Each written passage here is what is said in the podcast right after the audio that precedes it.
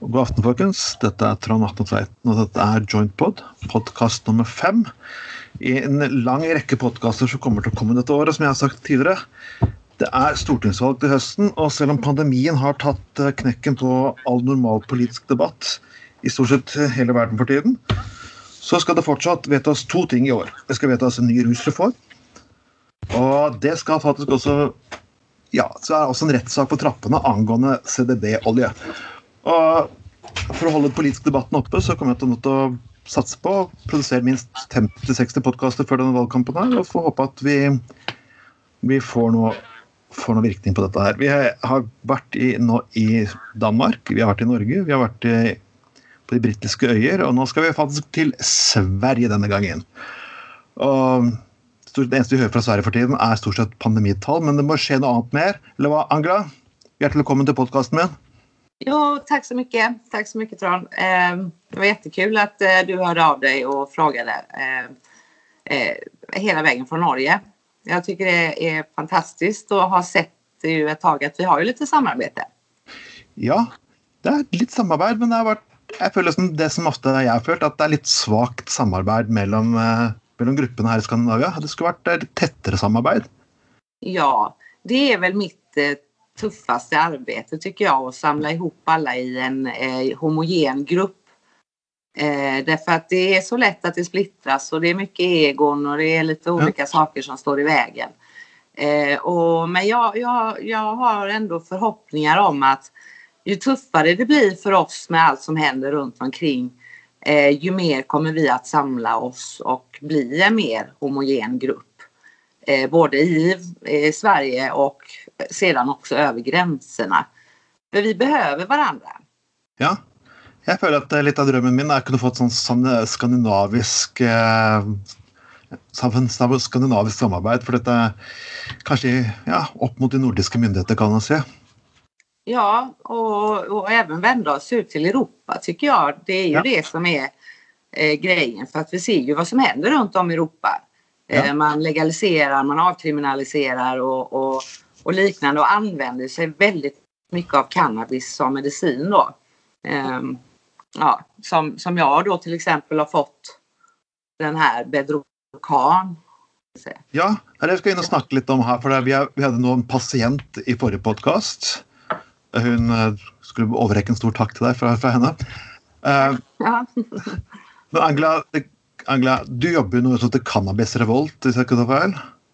Ja, jag eh, startade en grupp eh, när jag blev sjuk som, som jag, då var det Sativexuppropet. För att det var den enda cannabisen jag kände till då att man kunde få tag på här i Sverige.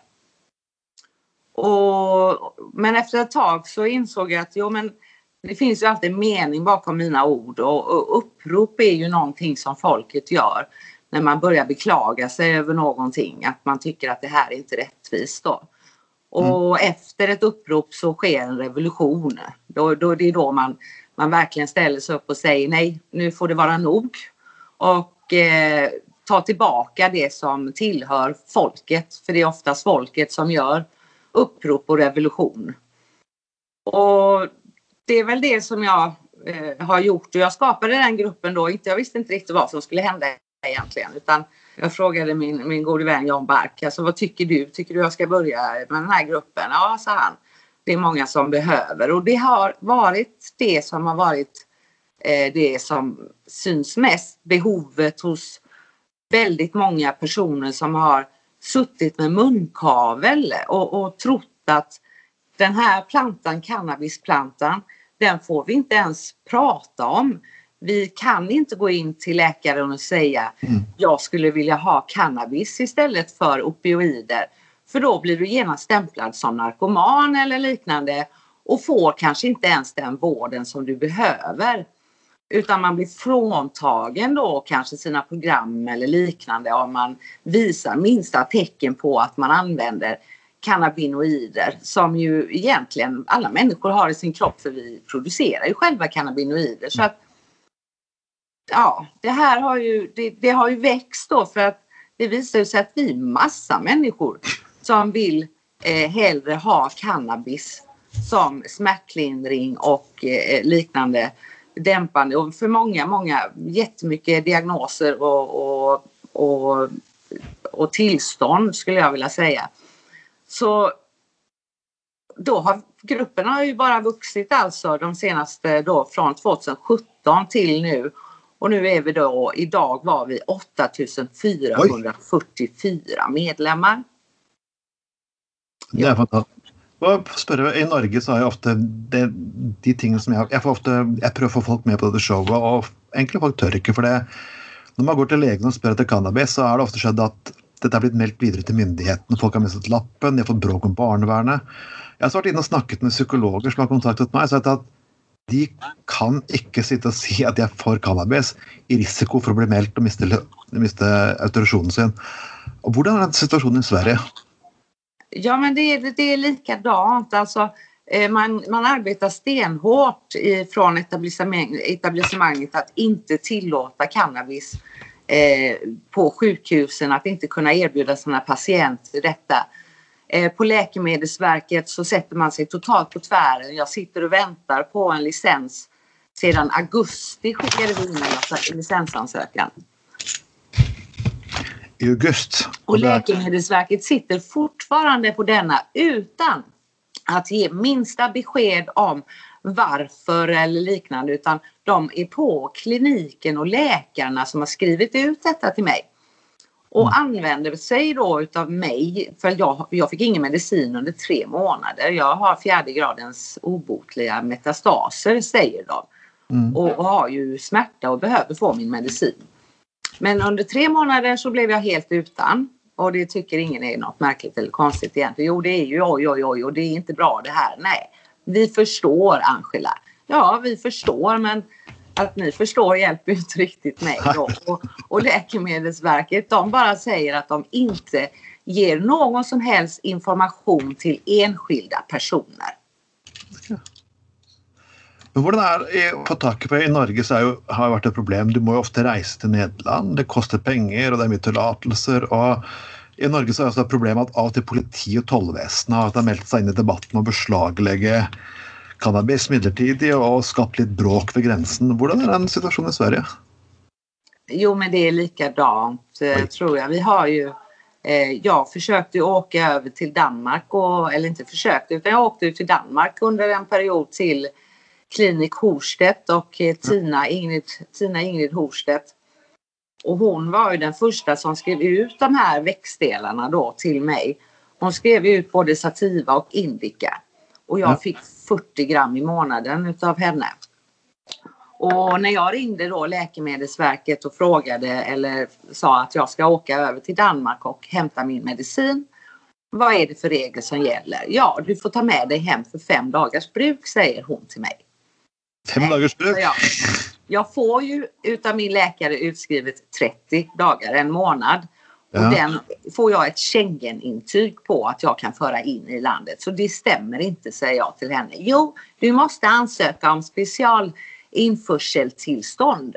Jaha, säger jag, vart ligger den blanketten någonstans? Nej, du får skriva själv. Då skulle jag fylla i vilken, hur mycket medicin jag skulle ta med mig hem tillbaka utan att ha träffat min läkare, vilket blir lite absurt. Då. Det är ju ingen som vet innan man går till läkaren vad, vad den tänker skriva ut mm. till mig. Eller? Jo, men om, man skulle tro att det för EU så var det lov att ta med så om jag sticker och hämtar en andra typ av medicin i Danmark så vill jag få kanske för nästan flera månader men när det är cannabis så är liksom, då gäller inte dessa EU-reglerna i Sverige. Nej, alltså man, eh, man får ju inte ta det var ju det och så sen så när jag åkte dit och så fick jag min medicin och jag åkte tillbaka och det är ju inga problem då. Va? Eh, nu gick jag inte in i tullen för jag orkar ju inte efter en hel dag i Danmark. Jag får ta mig till Köpenhamn och bla bla bla och så här. Och, men jag flaggade ju när jag tog med mig 16 stycken personer från Sverige i en buss till Danmark för att hämta då cannabis. Och det var då jag ringde och frågade hur är det? Ingen av oss fick det här införseltillståndet beviljat. Men vi sa, jag sa så här att era, det, det, vad ni eh, säger eller inte säger, det skiter vi fullständigt i. Vi åker ändå och talade om när vi skulle åka. Så vi hade ju cirka då med 16 beviljade mediciner, eh, cannabis då till, till 16 patienter. Cirka ett halvt kilo cannabis i bussen när vi åkte över sundet igen. Okay.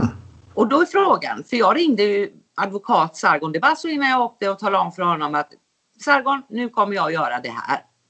Så han, okej. Eh, jag vet ingenting om vad du eh, gör just nu. Men ring mig om det blir några problem vid gränsen. Okej, okay,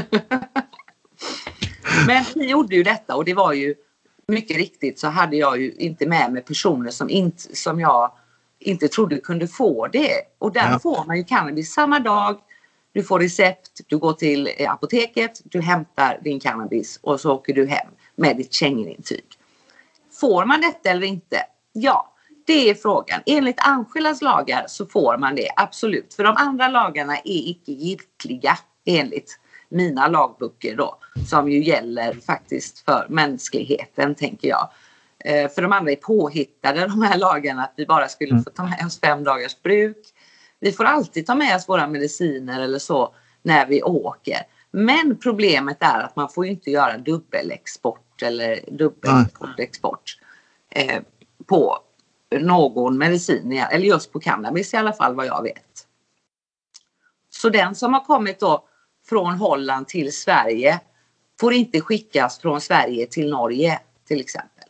Okej. Okay. Ni måste direkt beställa den från Nederländerna och in i ert land då va?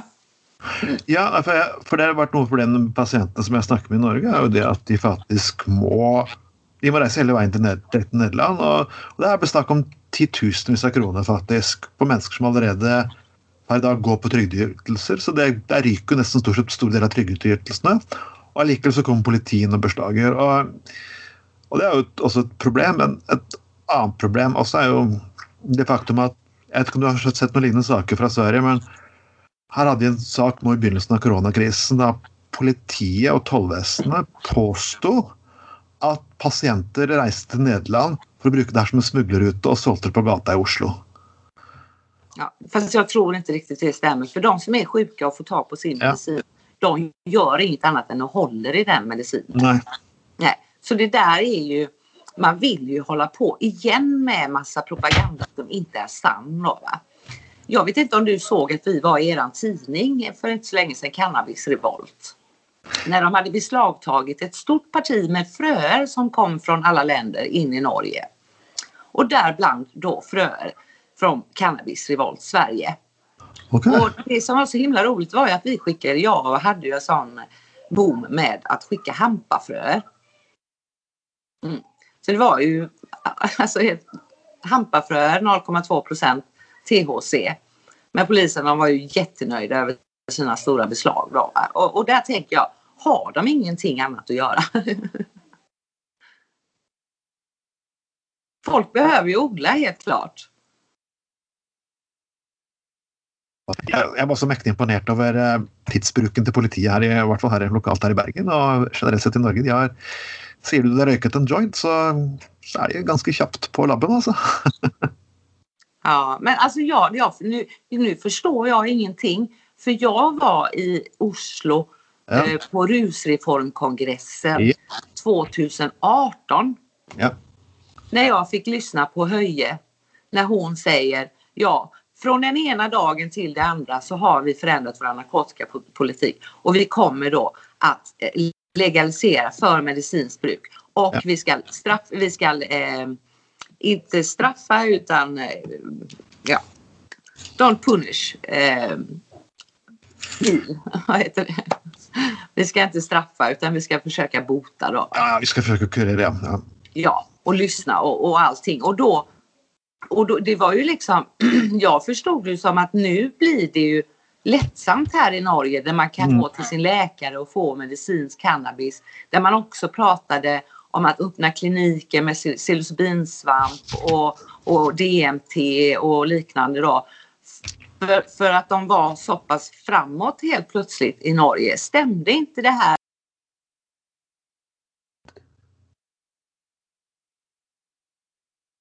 Nej, det tilbake. Eh, inte. Som sagt, eh, allt er på vent, for alt blir utsatt i, i den politiske debatten her i Norge. Så foreløpig så, så, så rett og slett det skjer absolutt ingenting. Um, jeg har selv møtt i bystyr, jeg har selv politikere. Men media jeg har, det er jo en viktig bit for dem. Media er jo ikke akkurat med å bidra i denne debatten. her, og I Norge så er det bare sånn at noen aviser har spurt å si fra, og da kommer politiet ut. og, og når politiet holder sine taler rundt omkring i lokalmiljøer, så er det ikke sånn det er ikke lov til å stille kritiske spørsmål. Hvordan er, det, hvordan er mediedebatten i Sverige på dette? her? Er det, er det like knallhardt? Ja, det, det är bedrövligt faktiskt. Och vi har ju Lena Hallengren som är helt emot allting och de gör ju de här olika tillslagen och, och som de hade i Malmö där nu, Rimfrost och vad det heter och eh, stänger till gränserna och gör det besvärligt och, och sådär. Så jag, alltså, man vill ju inte någonting av det här med cannabis i Sverige överhuvudtaget utan man man, man fortsätter liksom att nej, i Sverige har vi nolltolerans, punkt slut. Ja. ja. Och de går in i lägenheter och tar folk, tar småkillar, håller på och bråkar hela tiden. Jag menar, de, de tar väldigt sjuka människor i rullstol som odlar ett par plantor för egen medicinskt bruk. Då, va? Tar folk i rullstol? Ja, det är liksom väldigt eh, svårt sjuka personer de sitter i rullstol som inte, så, inte ens som bodlar för att de mår väldigt bra av, av det och inte kan få det av läkaren då. Och blir tagna och nu är det högsta domstol och efter det ja Europadomstol, vad heter han, eh, Andreas Törn. Ja. ja. Så att här är det, det, det, det är skamligt i Sverige. Det är rent utav skamligt. Du skulle tro at det svenske politiet med mye, mye gjengkriminalitet i store byene og lignende skulle ha noe annet å finne på, men det, det gjør de ikke, altså. Nej, nej, nej, nej, nej. Nej, nej, nej. Nej, nej, nej. Och det gör, de, de bara gör det så besvärligt de kan för, ja, för alla. Och nu har det kommit. Till och med medicinen. De fortsätter med att tala om för läkarna att om du skriver ut cannabis så blir du av med jobbet. Så de kan ta yrkesforbud mot leger som skriver ut en lovlig medisin. For jeg ser at EU har kommet med en ny dom nå. altså at De kan ikke klassifisere CDB-olje som narkotika. Det har ingen effekt i Sverige. Vad sa, ursäkta, vad sa du det sista? Jeg sa at EU har snakket at CDB-olje kan ikke klassifiseres narkotika. så fransk, men italienerne forsøkte på det. Men i, i, i Sverige da, da gjør myndighetene som de selv vil. Ja, och CBD är ju också förbjudet i Sverige. Ja. Ja, så att det är, det är, det är alltså för mig så är det så, det är så löjligt det här. För jag hämtar ju fortfarande, jag hämtar ju under tiden då cannabis på apoteket. Ja. Som är lagligt. Och nu igår så fick jag in, eh, fick jag beställt eh, från apoteket. Så beställer hon för första gången i sitt liv också THC-olja som kommer från samma företag till ja. mig. Som går eh, utanför licens preparat och på högkostnadsskydd. Ja. Eh, den heter ju Bedrolit tror jag den heter. Ja.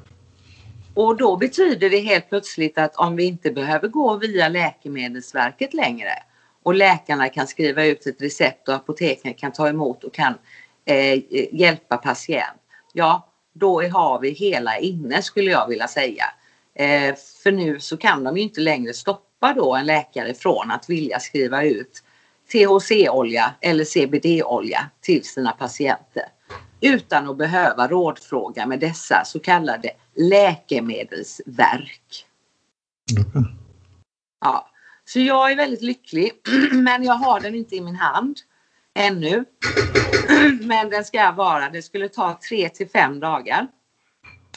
Och jag, den beställdes igår. Så vi får se nästa vecka här om, om det var sant eller inte. Jag vill spørre, eh, Politiske i Sverige eh, uh, Nå kjenner jeg ikke så veldig godt til mange av de, men i Norge så har det vært litt avholdenhet. Du har hatt noen høyrepolitikere du har någon noen få fra, fra begge sider av og noen i sentrum som har tur. Hvordan er de svenske partiene i forhold til medisinsk cannabis eller legalisering av cannabis generellt sett?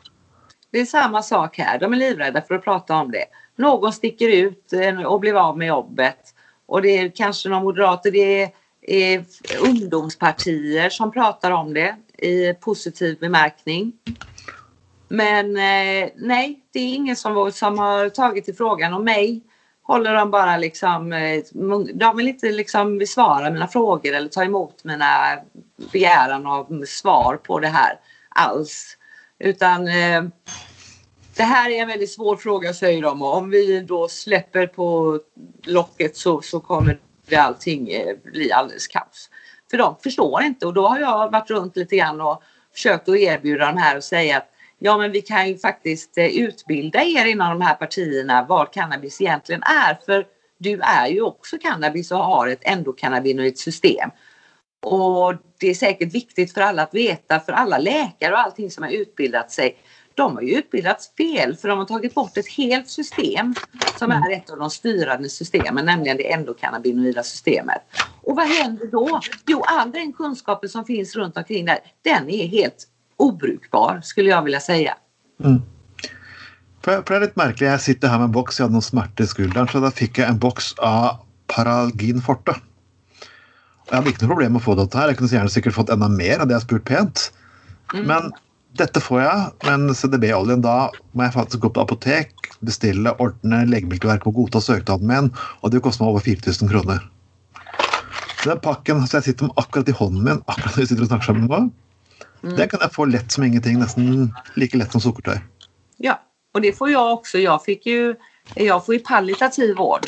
Jag får ju fentanyl, jag får metadon, jag får palexia, jag mm. får stesolid, jag får imovane, jag får eh, diklofenax, jag får ja, lite av varje. Det kan jag få över ett samtal, det är inga problem överhuvudtaget. Och imovane har en sinnssyk effekt. Det gör faktiskt folk ikke helt gode i hodet, har lang bruk og er ekstremt avhengighetsskapende. Og, men det får du ikke lett som sukkertøy. Absolut, absolut. Och innan jag eh, hittade då fram till eh, mina oljor så använde jag själv Imovane. Det var en av mina räddningar att jag kunde få sova ibland. Eh, men då kunde jag ta en halv. Jag visste eftersom jag jobbat med de här klasserna av mediciner så, så vet jag ju hur snabbt man blir beroende av dem. Så jag var, liv, jag var väldigt försiktig med dem. Och mm. sådär. Men eh, jag är jätteglad att jag är av med alla sådana. Så den, sedan 2017, sedan 2018 i alla fall, så tar jag inga andra mediciner än kost och, och cannabis. Så det är inte något smärtstillande, Paragin, inte något... Vadå? Inte något Paragin, inte något Paracet, inte något starkare? Ingenting. Ingenting. Och det här hjälper mm. ålen emot. Fortell lite av virkningen. Alltså, folk, folk snackar att de vill godta cannabis som medicin, men väldigt många lyssnare frågar man, ja, men mot vilken plagor och hurdan? Eh, alltså för mig så hjälper cannabisen, det första egentligen är väl ångest tycker jag, ja. som den dämpar. Det tyckte jag var jätteskönt när jag fick ett dödsbesked att, att jag fick någonting som lugnade mig lite grann, min ångest liksom. Och så fick jag sova helt plötsligt, pang, hela natten liksom. Hela och sen så, sen så började, blev jag hungrig. Jag vägde 47 kilo. Okay.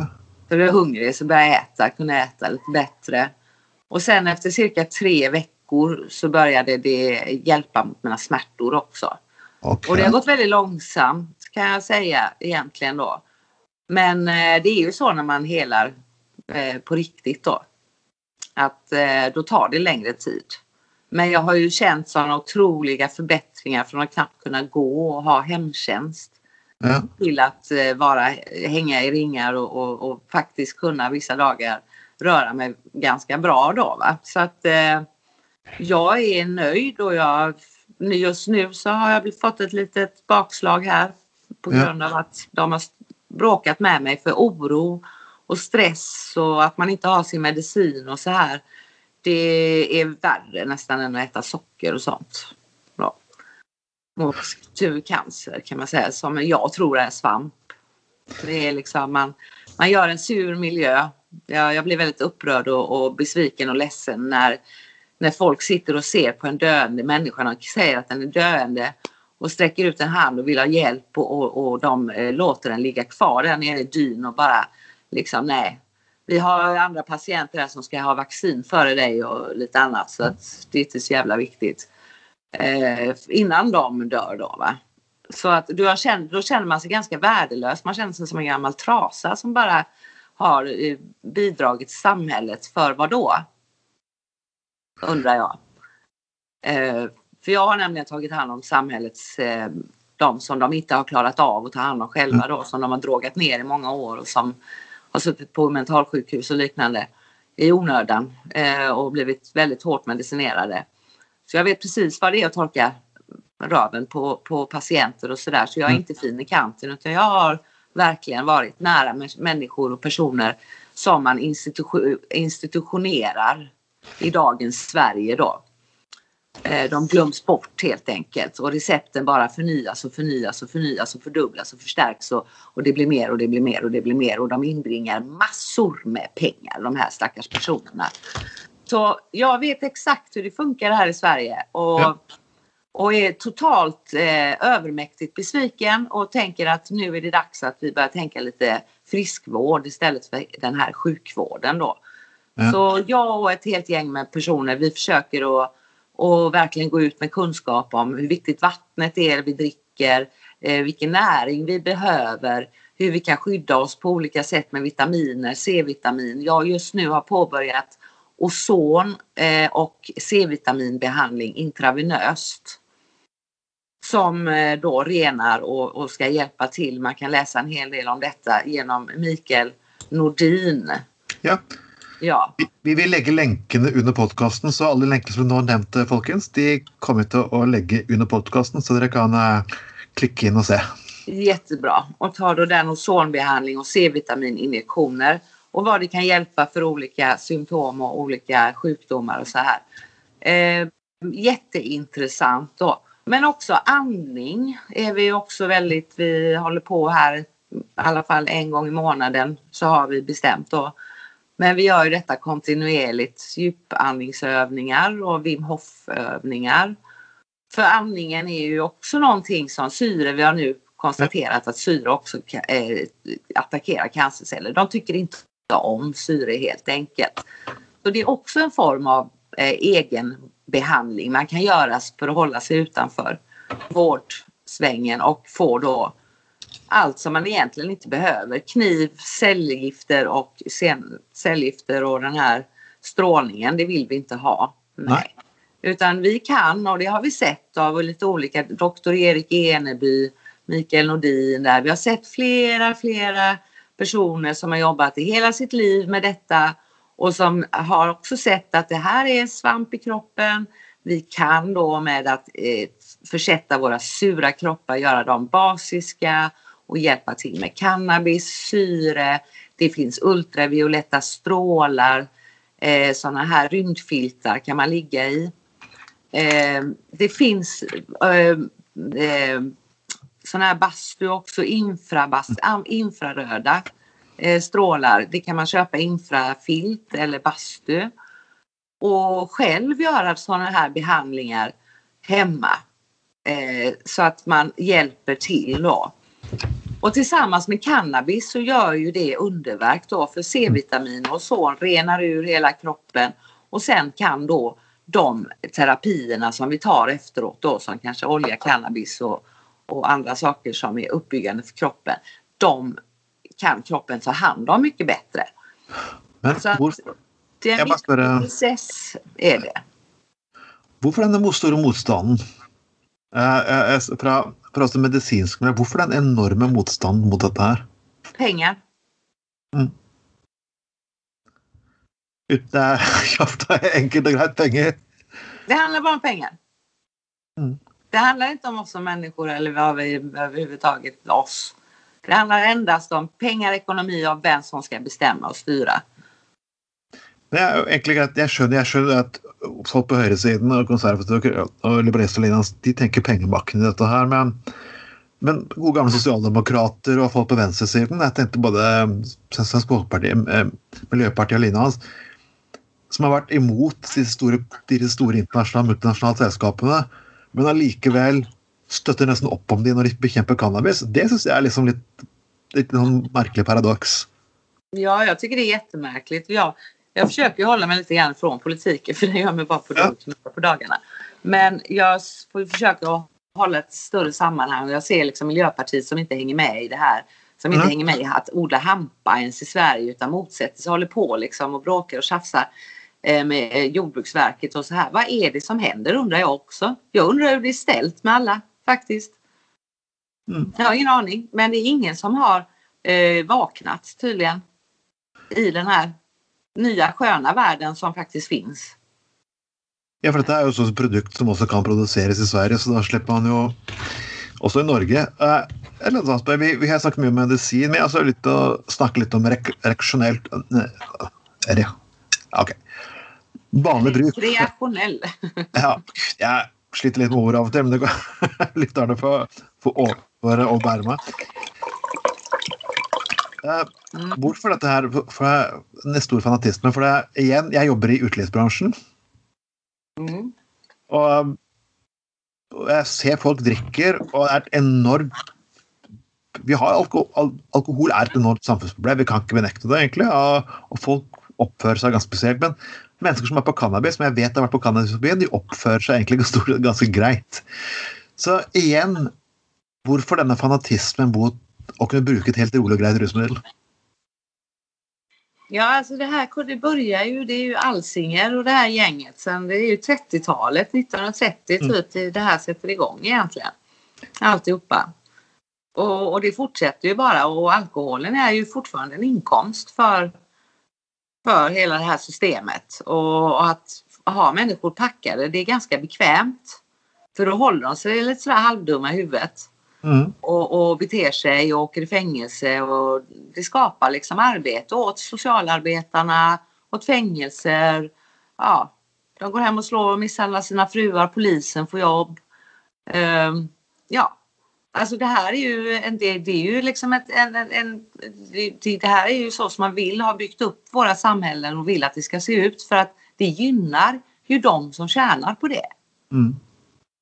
Ja, disse mytene her hadde jo, eh, Jeg var et, jeg var et selskap nå i juletid. Da var jeg fortalt at hvordan taperne fra min hjemby som hadde gått på cannabis, alle hadde havnet under loven. Og jeg ville ikke ødelegge stemningen. og så si at De fleste som bruker cannabis i min hjemby, de har stort sett ganske greie og fine jobber par i dag. Så det er, det er, det er, det er, den, stig, det er den stigmaen der som jeg syns er litt spesielt jeg føler ofte at kampen mot cannabis ofte har vært sosial renovasjon. Mm. Er det det samme i Sverige? At man går bevisst etter mennesker egentlig bare for, for å fengsle dem og egentlig bare lyst til å ha dem vekk av samfunnet? Mm. Ja, och det är ju detta, det är detta stigmat. Ja, det är så hela tiden och, och det man märker mest med att man umgås liksom med människor det är att de känner sig så befriade att helt plötsligt få vara sig själva. Som Mm. har legat i gömda i en garderob. De får leva dubbelliv de flesta. Eh, och det är ju ingen som trivs eller mår bra av att behöva smyga med halva ens identitet varje dag. För olika människor och olika situationer. Att aldrig kunna få vara den man verkligen är då och, och samtidigt känna sig skamfull därför att man, man vet att man gör någonting som kallas för olagligt. Och den skammen och den skulden är ju något, det är ju också ett vapen som man använder mot för, för att få ett övergrepp över befolkningen. Så att, att hålla oss hela tiden rädda och skamsna och, och så här, det är, ju, det, är ju, det är ju det man gör. Och det är ju det jag anser att vi ska sluta att göra. Mm. Och sträck på det, för jag går och röker mina jointar precis överallt. Mm. Jag tar min medicin precis var jag vill och jag rullar den precis var jag vill. Och, och så vidare, för det har min läkare sagt att jag får. Och än så länge så, så går ju det bra. Ja. Ja. Jag gör ingen grej av det. Och en del luktar lite när jag går förbi och sådär. Men Men vi har sett, det, det, er en debatt også, for jeg, vi ser på flere det är mitt sätt att stigma och, och, och försöka ta bort stigmatisering. Alltså mina vänner hoppar, de blir alldeles livrädda när de ska umgås med mig. Åh, ska hon ta fram en joint nu eller vad blir det liksom? Ja, för de är oroliga för hur andra ska titta på dem. Ja. Att, de ja. ska bli, att alla ska tro att de också gör det då om de är med mig. Jag hade ju, jag kan fortälla lite På morsomt. den nivån är det i alla fall här i Sverige. Nei, Politiet skulle forsøke å bli kvitt eh, rusmidler i Norge, og da sa de til utestedene at hvis utestedene god, ikke slår ned på narkotika, så vil de tape omsetning av alkohol. Ja, jeg tror ikke det funket så spesielt bra. Eh, men bare tenk, jeg tenker på reguleringsmodeller. For det, ulike land regulerer rusmidler annerledes. Jeg ser på hvordan USA regulerer dette her. Der de putter ting i godte, slikketøy, altså alt mulig rart.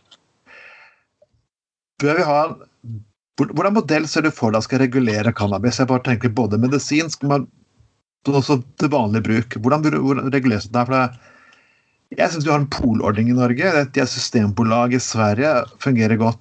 Så, er gode modeller. Er det noe lignende du kan tenke deg, eller burde du ha en annen modell? Alltså jag, jag kan tänka mig, jag, vad jag vill det är att vi ska slopa ringa narkotikabrott först och Ja. främst. Ja. Och så ska vi avkriminalisera cannabis. Eh, både för medicinskt bruk och för eh, eget bruk. Då, va? Jag Ja. vill också att vi ska kunna odla. Eh, vi ska kunna odla upp till, ja, låt säga att vi ska hålla oss lite svenska då, mellan fyra till sex plantor. Ja. är väl en ganska lagom siffra per person. Och sen så skulle jag också vilja att vi gör, eh, jag skulle vilja att det skapa, startas social clubs Mm. och eh, för och att man har eh, dispensaries helt enkelt. Det med social personal. clubs, hva dette er for noe. For jeg tror ikke alle lytterne vet hva social clubs er for noe. Ja, social club är en medlemsklubb där man, eh, blir, går, man eh, går in och är medlem. Och då har de där inne i medlemsklubben eh, samarbete med alla småodlare runt omkring som säljer sitt kvalitativa eh, gräs till den här klubben som då har eh, som säljer via medlemskap. Så du går in där och får full service på, med kunskap om vad olika saker är. Och de håller alltid, de ska hålla.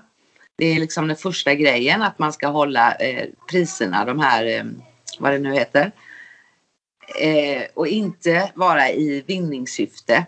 Ja. Utan, eh, och det som blir över det går ner går och görs som medicin igen för donationer eller liknande och för att hålla priserna nere då. Va? Ok. Och så man använder sig av precis allting och gör då oljor och även säljer ut till, till kund med stor expertis bakom disken. Ja. Och man är medlem och där inne kan man också sitta och avnjuta sin, sin medicin eller sin rekreationella, eh, då, vad man nu föredrar, vape eller bong eller joint eller så. Och prata med andra likasinnade där inne. Och det är ju en form. Sen så tycker jag också att eh, dispensaries är, är ju någonting man vill ha och det är ju de här de har öppnat mycket i Kanada Mm. och jag tror även i USA. Där det är ungefär som apotek du går in på. Ok. Och där kan man ha något slags green card eller liknande. Att man har en, en, en sjukdom eller att man kan även skriva en egen, en egen remiss på upp till en viss gräns. Att det här sku- må- mår jag bra på. Jag har till exempel PTSD och skulle behöva 50 gram i månaden av, av den här medicinen. Så man gör en slags egen remiss och det kan man göra upp till en viss gräns. Då, va? Så jag tror på de varianterna och inte att eh, staten ska få lägga sig i och ta över den här saken utan de kan hålla sig till vissa produkter som går via läkarna och Ja. till att utbilda läkarna och eh, skicka iväg dem på riktiga cannabisutbildningar och, och se till att de får eh, vidareutbilda alla runt omkring sig också. Och så här för att det här är väldigt viktigt. Det är väldigt, väldigt viktigt att man börjar använda det och jag ser att det första motståndet är läkarna och jag lägger en väldigt stor skuld på dem. De Ja. mördar sina egna patienter genom att säga nej till dem. Och det lägger jag på läkarna och ingen annan. Jag skiter i om de får behålla sitt jobb eller inte. De dödar människor. Så. Mm. Du får å si hva du vil på denne podkasten her, for jeg sensurerer Ja. ikke noe. Och jag gör ofta det. Jag säger vad jag vill. Liksom. Ja. För Jag tycker det är slut nu på det här tramset att vi ska sitta och, och småsnacka om att ja, men det vore bättre om vi kanske eventuellt. Nej, det är så här att det här ska ta slut med en gång. Och vårdpersonalen ska utbildas om det endokannabinoida systemet och vad cannabis gör mot olika tillstånd. och diagnoser. Så det är inget snack om saken. Allt annat är idioti. Ja, altså Jeg lærer gå stille i dørene, og det er litt poenget med denne podcastserien her. Jeg har ikke tenkt at ingen skal gå stille i dørene lenger. Jeg skal gi informasjon, og, jeg, og vi skal kjøre kampto-ting hånd i hånd. Uh, ja, det bör ju vara information från båda hållen. Det kan ju inte bara vara information om att åh, det, det, nej, vi kan inte, cannabis kan vi inte använda för det är knark. Det, den som säger det till mig, du vet, för jag lever på den medicinen. Mm. Jag blir otroligt upprörd alltså ja, så får man inte lov att säga. Man får inte, man får inte liksom dissa någonting som man inte har någon kunskap om. De ger själva sina barn i sin tutte cannabis när de föds och kan sitta och säga till mig att jag, jag håller på och knarkar. Vad är det för någonting? Det här är en ört, en växt och vi har det i våra kroppar. Vi är uppbyggda av det. Vårt system behöver det. Det är ett eget system i våran kropp. Så att för mig så, så, så, så framstår de som idioter allihopa och jag har mycket mer kunskap och har förstått mycket mer om kroppen än någon av dem. För att jag har kopplat samman det endokannabinoida systemet med resten av kroppen. Mm. Ja. Det är ju när vi plockar isär dem som ingen vet vad fan de ska göra för någonting. För det är ju ingenting som fungerar som det ska såklart. Nej. Nej. Och jag behöver inte vara, ha gått några 20, 14 år läkarutbildning för att förstå detta. Nej, jag... jag är från förorten. Vi ska ta lite, jag tänker på lite framtiden till bevegelsen. För bevegelsen är, som jag följer, ofta lite splittet. Splittet och delt. Och, och, och ja, någon vill ha noen, noen vil snakke litt stille, og noen vil gå og pleie politikerne, og noen vil pass på å ikke irritere folk. Vi, hvordan skal vi prøve å samle cannabisbevegelsen? For jeg, jeg, personlig så er jeg drittlei av å gå stille i dørene. Jeg er skitlei av Ben Fuckers unnskyldning, og jeg er mycket av å være for moderat hele veien. Hva vi bör göra för att samla bevegelsen som kan vara slagkraftig? Jag vet inte riktigt. Jag vet faktiskt inte. Vi, det, ja, det, jag tycker det är så svårt att få till samtal och få till det så så att eh, ja, för mig så handlar det, så känner jag mer och mer att eh, jag vill hålla mig borta ifrån henne. Jag skulle vilja göra så, försvinna ifrån alla deras papper överhuvudtaget och inte vara med mm. i det här samhället och bilda ett eget samhälle. Där vi faktiskt tänker rätt och riktigt från början. Ja. Eh, så. För jag inte, litar inte på någon där ute. inte på någon. Inte på någon social, inte på någon försäkringskassa, inte på några läkare, inte på den, inte polisen, inte på den. Jag litar inte på en enda ämbetsman kan man säga då. Va? Eh, och, eller historia som berättas för mig. Utan jag vet att allting är fingerat. Eh, från tidningar, från tv.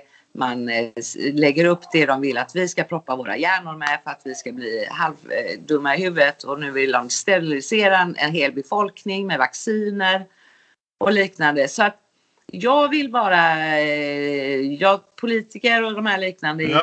går inte att prata med. Tydligen. Men det finns ju vissa som kan det.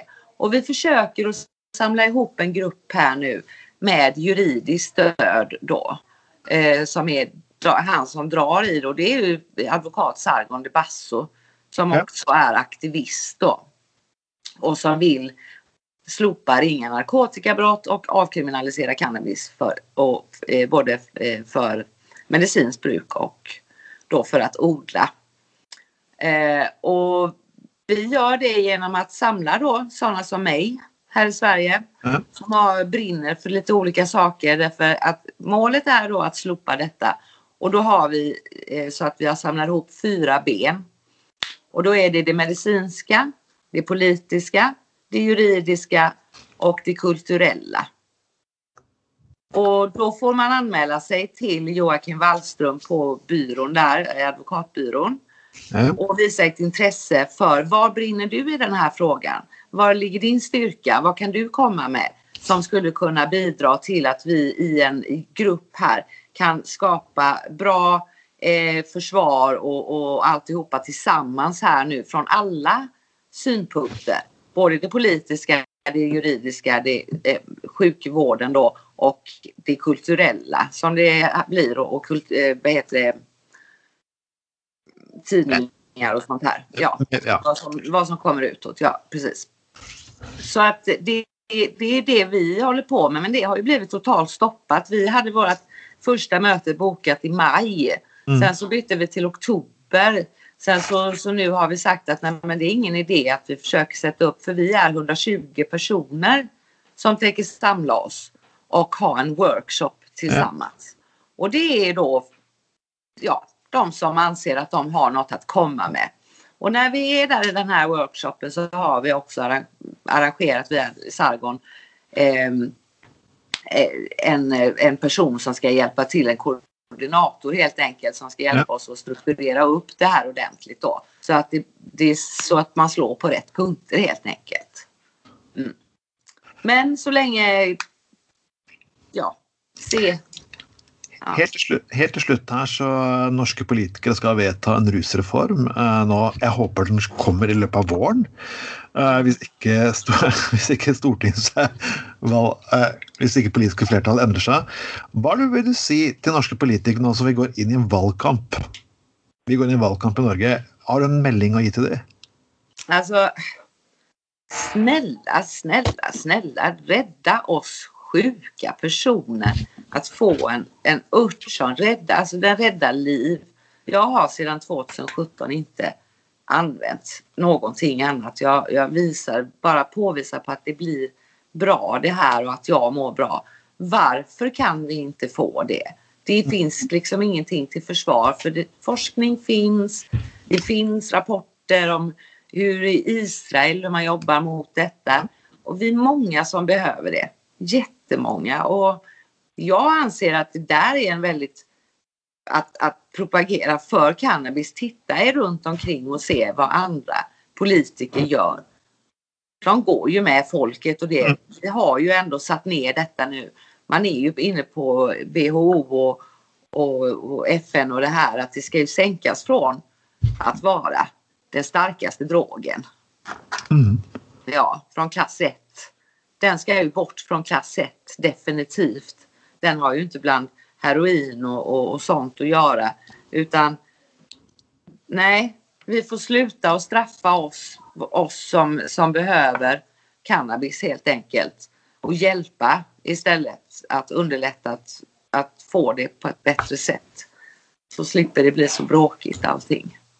Jag tackar Angela, för att du ställde upp i podcasten. Detta var um, Titans joint pod, eh, podcast nummer fem, for Triton Productions. Eh, alle linker og, som jag nämnt i sendingen her, de blir lagt i eh, ja, under podkasten. Og sikkert noen flere linker av god forskning som hon hun sikkert også gir oss. Og så, så klikk inn, like, del. Og folkens, saml dere som en skandinavisk front her mot eh, galskapen. Takk for meg. Yeah.